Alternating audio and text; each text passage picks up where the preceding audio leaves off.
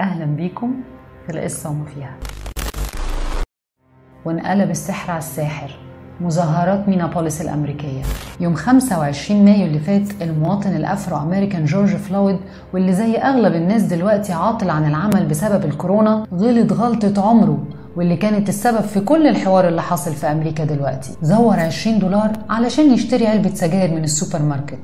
بس من حظه المنيل إن عامل الماركت يكتشف إن الفلوس مزورة وعلى طول يبلغ الشرطة اللي جت واتعاملت مع جورج بمنتهى العنف. وظهر الضابط دراك تشافن اللي سحب جورج ووقعه على الأرض وحط ركبته على رقبته وفضل على الوضع ده 8 دقايق و46 ثانية. وجورج عمال يصرخ I can't breathe. مش قادر أتنفس. وبعد ست دقايق من التمانية دول كان جورج قطع النفس وعلى ما تشافن شال ركبته كان جورج مات.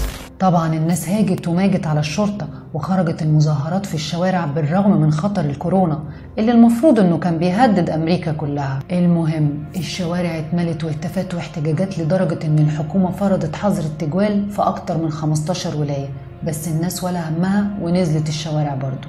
الحقيقة في الأول المظاهرات كانت سلمية بس عنف الشرطة المفرط هو اللي خلى المتظاهرين يشتبكوا معاهم. وولعوا في اسم شرطة مينا بوليس بالكامل وعربيات الدوريات في الشوارع. وما اكتفوش بكده بس دول دمروا الحي كله. واقتحموا المحلات وال supermarkets والتوكيلات زي نايكي وأبل وسيفورا وكل ما يخطر على بالك سرقوه خلوه على البلاط. واللي زود الطين بلة تصريحات ترامب المستفزة اللي وصف فيها المتظاهرين بالرعاع وهددهم إنه هيخلي البوليس يضربهم بالرصاص الحي ويخلي الكلاب تاكلهم لو قربوا من البيت الأبيض. واللي قلب الدنيا أكتر سلسلة الاعتقالات والسحل للمتظاهرين وضربهم بالرصاص المطاطي لدرجة خلت الناس تخرج في مظاهرات بره أمريكا نفسها في إنجلترا ونيوزيلندا وألمانيا وغيرهم كتير. وفنانين ومشاهير كتير انضموا للمظاهرات وعلى رأسهم الرئيس الأمريكي السابق باراك أوباما وحرمه. قوات شرطة ميامي حاولت تهدي اللعب شوية مع المتظاهرين وبدأ ينزلوا على ركابهم ويوطوا راسهم في الأرض تقديرا ليهم. وده خلى المتظاهرين فعلا يتأثروا وقعدوا يحضنوا في بعض ويعيطوا وشوية مشاهد مؤثرة كده من اللي بنشوفها في الأفلام. كل اللي فات ده أنتوا عارفينه وشفتوه كتير على السوشيال ميديا.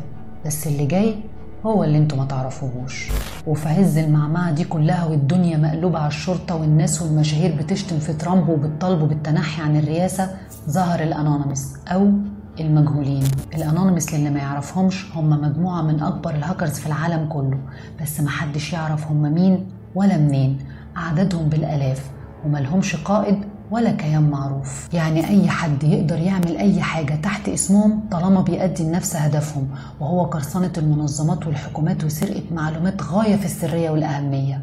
الأنونيمس دول بقى سربوا معلومات ووثائق ومستندات كانوا سرقوها من اختراق سيرفرات الرئاسة الأمريكية وقوات الأمن والشرطة. الوثائق دي بتدين أسماء كبيرة ومشهورة جدا أمراء وحكام وأصحاب شركات كبيرة في أوروبا وأمريكا.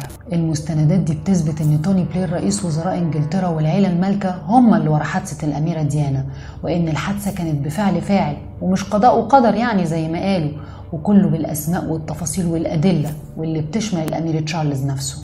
وقدروا كمان يوصلوا المستندات بتأكد علاقة الرئيس الأمريكي دونالد ترامب برجل الأعمال جيفري إبستين والمتورط في فضيحة اغتصاب وتهريب أطفال والمستندات دي بتثبت إن ترامب ليه يد في شبكة تهريب الأطفال دي وكمان بتثبت تورطه في اغتصاب قاصرات وكان بيسكت أهاليهم بمبالغ هائلة.